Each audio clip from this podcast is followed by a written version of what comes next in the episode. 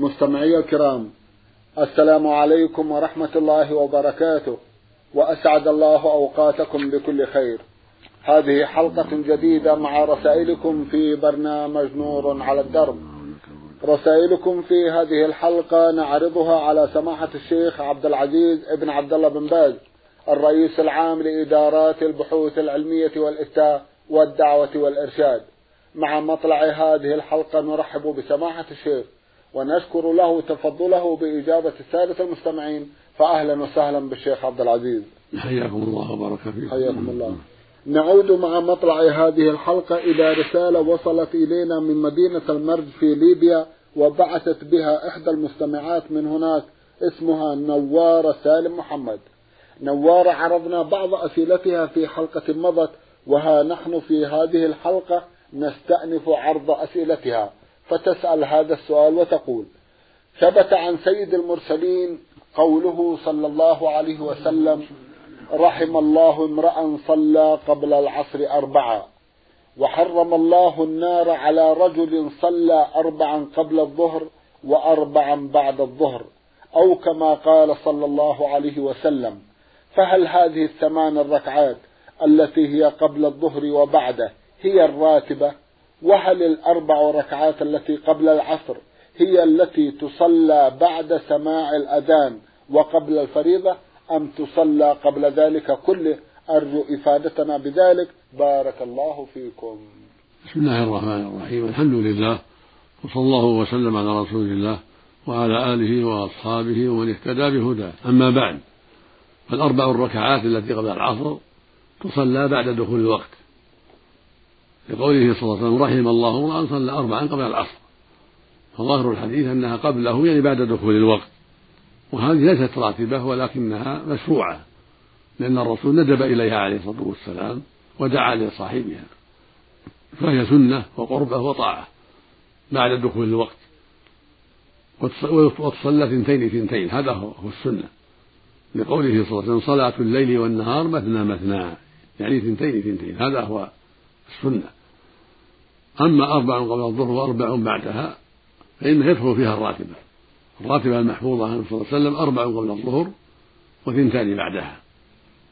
جاء ذلك من حديث عائشة ومن حديث أم حبيبة ومن أحاديث أخرى. والمعنى تسليمتان قبل الظهر وتسليمة واحدة بعدها. وجاء في حديث أم حبيبة بنت أبي سفيان رضي الله تعالى عنها عن النبي صلى الله عليه وسلم قال من حافظ على أربعين قبل الظهر وأربعين بعدها حرمه الله تعالى على النار.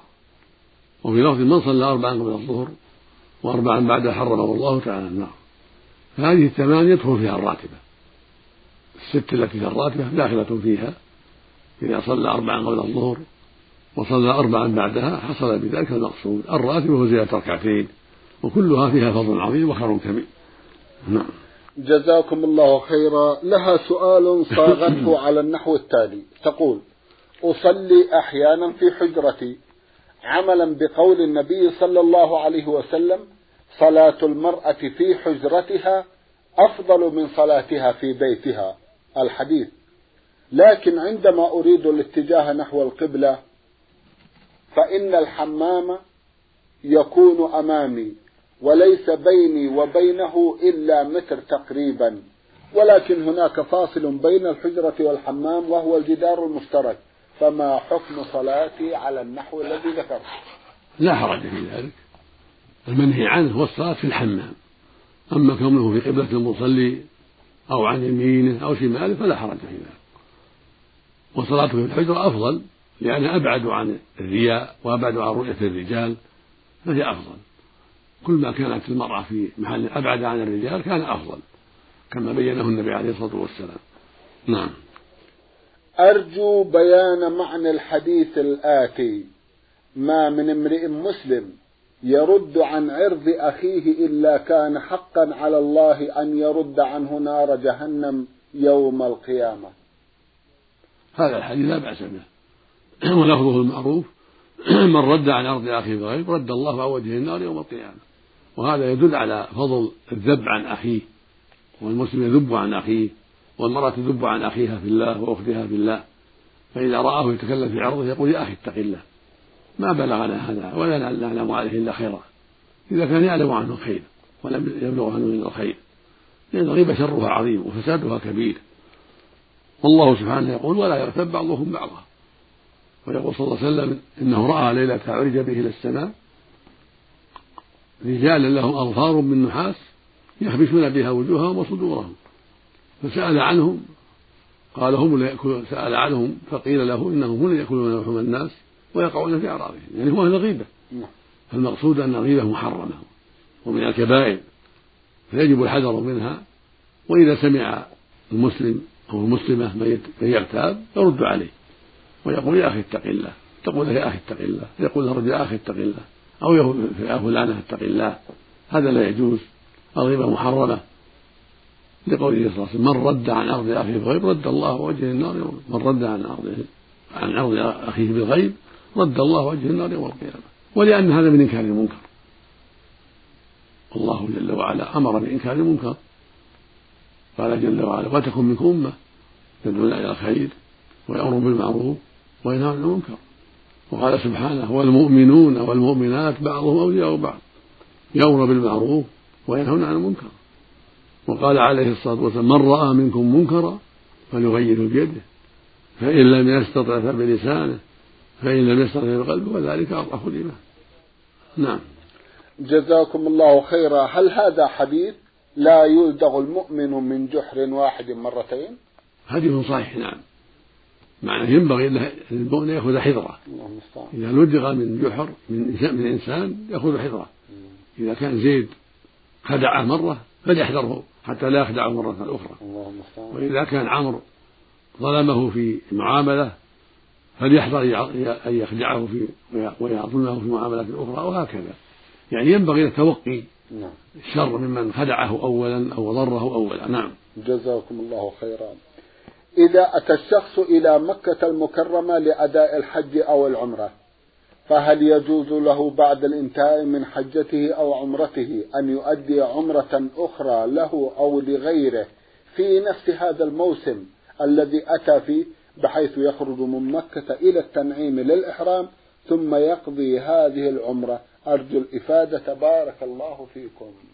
لا حرج في ذلك والحمد لله. ما شاء الله. إذا قدم العمرة أو الحج فحج عن نفسه أو اعتمر عن نفسه أو حج عن غيره أو اعتمر غيره وأحب يأخذ عمرة أخرى لنفسه أو لغيره فلا حرج في ذلك.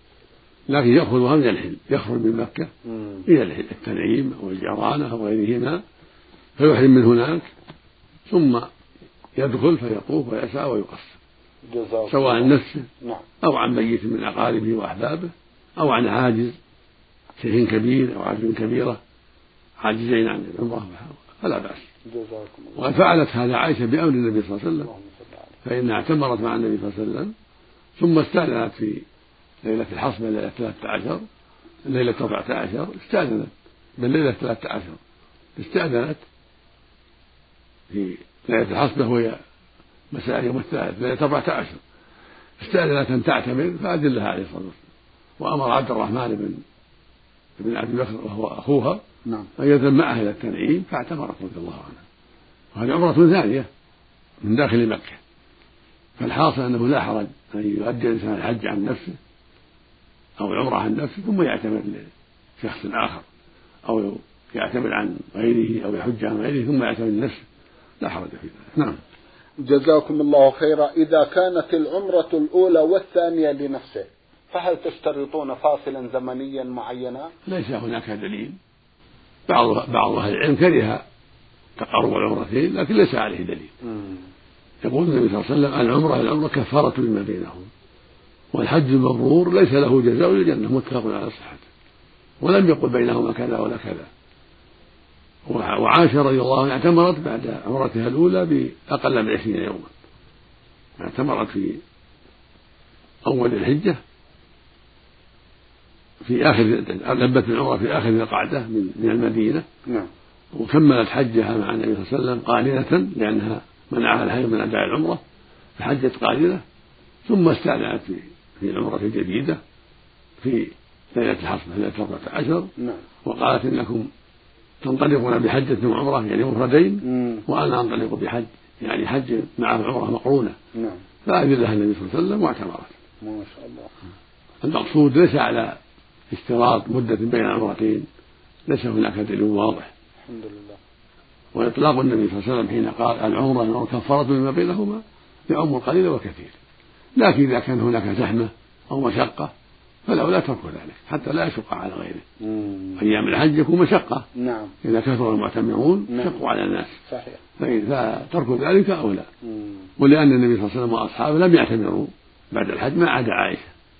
بل اكتفوا بعمرته الأولى. نعم. فإذا تأسى به المؤمن وترك العمرة هذا أفضل. وإذا اعتمر بعدما يخف الناس ويقل تقل الزحمة فلا حرج فيه بارك الله فيكم. جزاكم الله خيرا. تسأل أختنا سؤالا آخر وتقول هل يجوز للمرأة الجمع بين صيام ستة أيام من شوال وقضاء ما عليها من رمضان في هذه الأيام الستة بنية القضاء والأجر معا أم لا بد من القضاء أولا ثم صيام ستة أيام من شوال. نعم تبدأ بالقضاء ثم تصوم الست إذا أرادت. الست نافلة فإذا قضت في شوال ما عليها ثم صامت الست في شوال هذا خير عظيم. وأما أن تصوم الست بنية القضاء والست فلا يظهر لنا أنه يحصل لها بذلك أجر أجر الست. الست تحتاج إلى نية خاصة. في أيام مخصوصة. نعم. جزاكم الله خيرا. السؤال الأخير لأختنا نوارة يقول هل يجوز للمرأة قصر الصلاة إذا أرادت زيارة بيت والدها الذي يبعد عن بيت زوجها مسافة قصر أم لا؟ وفقكم الله لما يحبه ويرضى. نعم إذا أرادت السفر إلى زيارة أبيها أو غيره في مسافة قصر فإنها تقصر الصلاة. سواء عند أبيها أو عند غير أبيها ما دامت ساكنة في محل آخر عند زوجها فإذا رجعت إلى أبيها تزوره أو إلى أمها أو إخوتها فإنها تقصر إذا كانت المسافة مسافة قصر. نعم. وهي يوم وليلة. نعم. يعني بدبيب الأقدام والإبل ونحوها. أما اليوم فهي بمقدار ثمانين كيلو سبعين كيلو خمسة وسبعين كيلو في هواء حوالي هذه المسافة نعم نعم. من سبعين كيلو إلى ثمانين كيلو تقريبا. نعم. هذه مسافة يوم وليلة للإبل كما أفتى ابن عباس وابن عمر وجماعة في ذلك. نعم. جزاكم الله خيرا. يا أخت نوارة سالم محمد من مدينة المرج في ليبيا أسئلتك كلها جيدة. واصلي كتابتك لهذا البرنامج واسألي عما بدالك وإخوتك هناك. جزاك الله خيرا. هنا رسالة وصلت إلى البرنامج من أحد الإخوة المستمعين ضمنها جمعا من الأسئلة من بينها سؤال عن تفسير قول الحق تبارك وتعالى. أعوذ بالله من الشيطان الرجيم. يا أيها الذين آمنوا اتقوا الله وذروا ما بقي من الربا إن كنتم مؤمنين. فإن لم تفعلوا فأذنوا بحرب من الله ورسوله وإن تبتم فلكم رؤوس أموالكم لا تظلمون ولا تظلمون. وإن كان ذو عسرة فنظرة إلى ميسرة وأن تصدقوا خير لكم إن كنتم تعلمون. صدق الله العظيم. فسروا لنا هذه الآيات لو سمحتم وما هو رأس المال المذكور في هذه الآية. كان أهل الجاهلية قبل البعثة النبي صلى الله عليه وسلم يرابون يبيعون المتاع من أرض أو إبل أو غير ذلك بالثمن إلى أجل. فإذا حل الأجل وصار المدين معسرا قالوا له إما أن تعطينا حقنا وإما أن ترضي إما أن تقضي وإما أن تقضي وإما أن ترضي. المعنى إما أن تعطينا حقنا الآن أو نزيد عليك في المال ونؤخر الأجل نفتح لك في الأجل. فإن كان عنده مال سلم لهم وإلا رضي بهذا. فإذا كانت القيمة مثلا مئة ريال قالوا نؤجلك أيضا ستة أشهر أو عشرة أشهر تكون مئة مئة وعشرين مئة وثلاثين. هذه زيادة في مقابل الأجل الجديد. وهذا معنى إما أن تربي وإما أن تقضي. أن تربي يعني تقبل الزيادة تعطينا زيادة وهي الربا وإما أن تقضينا حقنا الآن. فلما جاء الله بالإسلام نهاهم عن هذا وخطبهم النبي في حجة الوداع عليه الصلاة والسلام وأخبرهم أن الربا موضوع وأن لكل واحد رأس ماله فقط. وأنزل الله جل وعلا هذه الآيات. يقول سبحانه يا أيها الذين اتقوا الله وذروا ما بقي من الربا إن كنتم مؤمنين. فإن لم تفعلوا فأذنوا بحرب من الله ورسوله. وإن تبتم فلكم رؤوس أموالكم لا تظلمون ولا تظلمون. فأمره سبحانه أن يذروا يعني يتركوا ما بقي من الربا لهم في ذمم الناس ويأخذوا رأس المال. فإذا كانت السلعة بمئة وأمهلوه وزادوا عليه عشرين يتركون العشرين. أو ثلاثين يتركون الثلاثين يأخذوا رأس المال فقط. والزيادة يتركونها. هذا معنى وذروا ما بقي من الربا. وإذا كانوا قد قبضوا رأس المال وبقي الربا يتركونه لا يأخذون الربا. يكفيهم رأس المال. ثم قال فإن لم تفعلوا يعني فإن لم تدعوا الربا فأذنوا بحرب من الله بحرب من الله ورسوله. يعني فاعلموا بحرب يعني اعلموا أنكم محاربون لله ورسوله وهذا وعيد عظيم. لم يأتي مثله في شيء من المعاصي. وهو يدل على عظم جريمة الربا وأنها جريمة عظيمة وكبيرة عظيمة. ولهذا ثبت عنه صلى الله عليه وسلم أنه قال أنه لعن أنه لعن آكل الربا وموكله وكاتبه وشاهديه. وقال هم سواء فالربا من أقبح الكبائر. وفي الحديث الصحيح يقول صلى الله عليه وسلم اجتنبوا السبع الموبقات. اجتنبوا السبع الموبقات. قالوا وما هن يا رسول الله؟ قال الشرك بالله. والسحر وقتل النفس التي حرم الله إلا بالحق وأكل الربا فجعله الرابع وأكل الربا وأكل مال اليتيم والتولي يوم الزحف يعني يوم الحرب وقذف المحصنات الغافلات المؤمنات. فجعل الربا من السبع الموبقات يعني مهلكات ثم قال سبحانه وإن تبتم يعني الربا فلكم رؤوس أموالكم لا تظلمون ولا تظلمون. يعني لهم رأس المال فقط. وهو المبلغ الذي بيعت به السلعة إلى أجل. الزيادة تبطل. فإذا كان باع المطية أو السيارة إلى رمضان مثلا من عام ألف وأربعمائة وأحد عشر بألف ريال بعشرة آلاف بخمسين ألف ريال. ثم حل الثمن فإنه يأخذ رأس المال فقط ولا يطلب زيادة.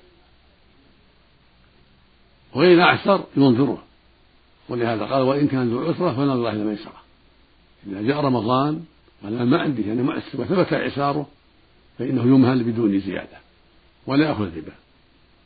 هذا هو معنى قوله جل وعلا وإن تبتم فلكم رؤوس أموالكم إذا تبتم من الربا فلكم رؤوس أموالكم التي عند الناس من بعد قبضتموها. لا تظلموا ولا تظلموا. يقبض رأس المال ويترك الربا الزيادة وإن كان قد قبض رأس المال وبقيت الزيادة يترك الزيادة أخوضها لا تظلمون بأخذ الزيادة. ولا تظلمون بمنعكم من رأس المال. لكم رأس المال. فأنت لا تظلم بمنعك من رأس مالك. لا تعطى رأس مالك. وليس لك أن تظلم أخاك بأخذ الربا. بل لك رأس المال فقط.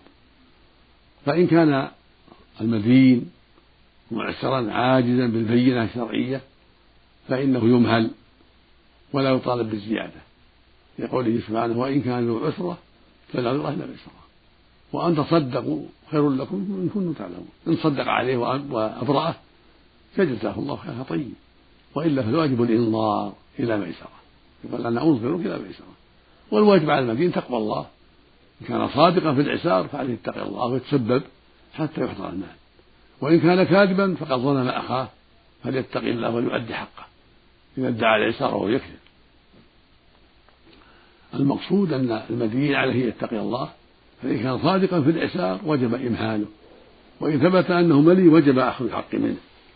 والحاكم ينظر في ذلك ويعتني. وإذا كان صاحب الدين يعلم أنه معسر فلا حاجة إلى المحكمة. يمهله وينظره حتى يحصل له اليسر. وإن تصدق عليه وسامحه فقد فعل خيرا كثيرا. يقول النبي صلى الله عليه وسلم من سره أن ينفس الله عنه كربات يوم القيامة فلينفس عن معسر عنه من سره أن ينفس الله عنه كرب يوم القيامة ينفس عن مؤسر أو يضع عنه ينفس يعني بإنظاره أو يضع عنه بالصدقة عليه. في الحديث الآخر من أنظر مؤسرا أو وضع له أظله الله يوم يوم يوم القيامة يوم لا ظل إلا ظله. هذا فضل عظيم. فينبغي المؤمن إذا عرف أن أخاه معسر في المدين أن ينذره أو يشابهه الدين كله بعض يرجو ما عند الله من المسؤول نعم. جزاكم الله خيرا. المستمع ميم ميم مصري مقيم في المملكة يسأل أيضا كسؤاله السابق عن حكم من يصلي بالناس الجمعة ويقول في خطبته اللهم ربنا عليك توكلنا وبنبيك إليك توسلنا. وما حكم هذا التوسل؟ أفيدونا بارك الله فيكم. هذا التوسل بدعة عند جمهور أهل العلم لكن الصلاة صحيحة ولكن التوسل بدعة. التوسل بجاه نبينا أو بنبينا أو بحق نبينا أو بحق الأنبياء أو بحق الملائكة أو بذات الملائكة أو بحق فلان أو فلان بن فلان أو بحق أبي أو ما أشبه ذلك كل هذا ليس من الشرع. الوسيلة تكون بأسماء الله وصفاته بالأعمال الصالحات كما قال الله جل وعلا ولله الأسماء الحسنى فادعوه بها. فيقول اللهم إني أسألك بأسمائك الحسنى وصفاتك العلى أن ترحمنا ترضى لنا أن تسقينا الخير إلى غير ذلك. أو اللهم إني أسألك بإيماني بك وطاعتي لك واتباع نبيك. يتوسل بأعماله الطيبة أما التوسل بجاه فلان أو بنبينا أو بجاه نبينا أو بحق نبينا أو بحق الأنبياء أو الملائكة هذا كله بدعة عند أهل السنة ليس عليه دليل. وقد ثبت في الحديث الصحيح أنه قال عليه الصلاة والسلام لما سمع رجل يقول اللهم إني أسألك بأني أشهد أنك أنت الله لا إله إلا أنت الأحد الصمد الذي لم يلد ولم يولد ولم يكن له كفوا أحد. قال صلى الله عليه وسلم لقد سأل الله باسمه الذي سئل به أعطاه وإذا دعي به أجاب. يعني توسل بصفات الله سبحانه وأسمائه وهكذا التوسل بالأعمال الصالحات كما ثبت الصحيحين من حديث ابن عمر رضي الله عنهما أن ثلاثة آواهم المبيت والمطر إلى غار في البرية. فدخلوا فيه ليبيتوا فيه ويتقوا المطر. فانحدرت عليهم صخرة من الجبل. سدت عليهم فم الغار بإذن الله عز وجل لي ليسن لعباده ويشرع لعباده ما فعله أهل الغار. وليعلم الناس علاج الكروب بما شرعه الله. فلما طبقت عليهم الصخرة أرادوا دفعها فلم يستطيعوا. فقالوا فيما بينهم إنه لن ينجكم من هذا البلاء إلا أن تدعوا الله بصالح أعمالكم. فدعوا ربهم بصالح أعمالهم. فقال أحدهم اللهم إن إنه كان لي أبوان شيخان كبيران. وكنت لا أغبق قبلهما أهلا ولا مالا الغبوق اللبن في أول الليل. وإنه نأى بطلب الشجر ذات ليلة فلم أروح عليهما إلا وقد ناما. فجئت بقدح وقفت على رؤوسهما أنتظر استيقاظهما وكرهت أن أوقظهما. والصبية يتضاغون تحت قدمي فلم أسقهم حتى برق الفجر واستيقظا وسقيتهما. اللهم إن كنت تعلم أني فعلت هذا ابتغاء وجهك فافرج عنا ما نحن فيه. فانفرجت الصخرة بعض الشيء. لكن لا يستطيعون الخروج رأوا السماء. ثم قال الآخر اللهم إنه كانت كانت ابنة عم. كنت أحبها؟ كأشد ما يحب الرجال النساء. وإني أردتها لنفسها يعني للفاحشة فأبت علي. فألمت بها سنة. يعني ألمت بها حاجة. فجاءت إلي وقالت يا ابن عمي أنا محتاجة. فقلت لا أفعل لا أعطيك شيئا إلا أن تمكني من نفسك. يعني الزنا. فلشدة حاجتها وافقت. فلما جلس بين رجليها ليفعل ليجامعها قالت يا عبد الله اتق الله. ولا توضأ الخاتم إلا بحق. فخاف من ربه. وقام ولم يجامعها. وأعطاها الذهب الذي أعطاها إياه أعطاها ذهب مئة دينار وعشرين دينار أعطاها إياه. ولم يرجع فيها ولم يجامعها. وقال اللهم إن كنت تعلم أني فعلت ذلك ابتغاء وجهك فافرج عنا ما نحن فيه فانفرجت الصخرة بعض الشيء أيضا. ولكن لا يستطيعون الخروج لأن هذا عمل عظيم. هو تركها بعد القدرة ترك الجماع خوفا من الله. وترك لها الذهب العظيم هذا يدل على رغبة عظيمة فيما عند الله وعلى خوف عظيم فلهذا شكر الله له ونفعت هذه الوسيلة. ثم قال الآخر اللهم إنه كان لي أجراء فأخذوا أجرهم إلا واحدا ترك عندي أجره فنميته له واشترطت منه إبلا وبقرا وغنما ورقيقا. ثم جاء ليطلب أجره فقلت له كل هذا من أجلك. الإبل والبقر والغنم والرقيب كله ثمرته من, من أجلك. فقال اتق الله ولا تحزن بي يا عبد الله. فقلت إني لا أستهزئ بك. فاستقاه كله. اللهم إن كنت تعلم أني فعلت هذا ابتغاء وجهك فاخرج عنا ما نحن فيه. فانفرجت الصخرة وخرج يمشون برحمة الله سبحانه وتعالى. لأسباب هذه الوسيلة العظيمة. على أعمال صالحة فعلوها لله. فنفعتهم عند الحاجة. توسلوا بها عند الحاجة فنفعتهم. هذا يدل على أن التوسل بالأعمال الصالحة من أعظم الوسائل ولا سيما عند الحاجة والشدة. وهو القائل جل وعلا أمن يجيب المضطر إذا دعاه ويكشف السوء سبحانه وتعالى. وهو القائل جل وعلا أدعوني أستجب لكم. هو سبحانه قدر هذه الصخرة ليتوسل هؤلاء وليعرفوا فضل أعمالهم وليعرف الناس أيضا فضل أعمالهم وليتوسلوا كتوسلهم إذا وقعت منهم الشدائد.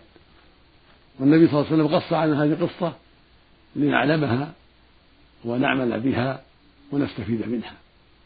وهو حديث صحيح متفق على صحته عند البخاري ومسلم رحمة الله عليهما. والله ولي التوفيق. جزاكم الله خيرا ونفع بكم. إذا نستخلص مما تفضلتم به أن التوسل بالنبي صلى الله عليه وسلم غير جائز. إنما التوسل بالأعمال الصالحة هو المطلوب وهو الجائز. نعم بالأسماء الحسنى أسماء الله وصفاته وبالإيمان والتوحيد وبالأعمال الصالحات. كلها وسائل أما بذات النبي أو جاه النبي نعم. أو جاه الأنبياء أو الملائكة أو غيرهم ليس بوسيلة. جزاكم الله خيرا. نعم. المستمع أزرق يوسف حامد بعث برسالة يقول فيها أسألكم عن صلاة الفريضة. ما هو حكم رفع اليدين في الصلاة في كل ركعة؟ جزاكم الله خيرا. السنة رفع اليدين في أربعة مواضع. عند الإحرام وعند الركوع وعند الرفع منه وعند القيام من التشهد الأول إلى الثالث في هذه المواضع الأربعة يستحب رفع اليدين حذاء المنكبين أو حذاء الأذنين. فعله النبي صلى الله عليه وسلم فعل هذا وهذا عليه الصلاة والسلام. عند الإحرام ترفع يديك وتقول الله أكبر أول تكبيرة.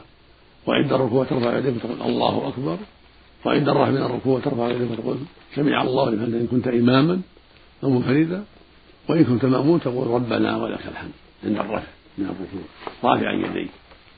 وعند القيام من الثالثة إلى الثالثة. من التشهد الأول عند القيام من التشهد الأول إلى الثالثة ترفع يديك تقول الله أكبر قائما للثالثة. نعم. جزاكم الله خيرا. سماحة الشيخ في ختام هذا اللقاء أتوجه لكم بالشكر الجزيل. بعد شكر الله سبحانه وتعالى على تفضلكم بإجابة السادة المستمعين. وآمل أن يتجدد اللقاء وأنتم على خير. مستمعي الكرام كان لقاؤنا في هذه الحلقة مع سماحة الشيخ عبد العزيز ابن عبد الله بن باز الرئيس العام لإدارات البحوث العلمية والإفتاء والدعوة والإرشاد. شكرا لسماحته. وأنتم يا مستمعي الكرام شكرا لحسن متابعتكم. وإلى الملتقى وسلام الله عليكم ورحمته وبركاته.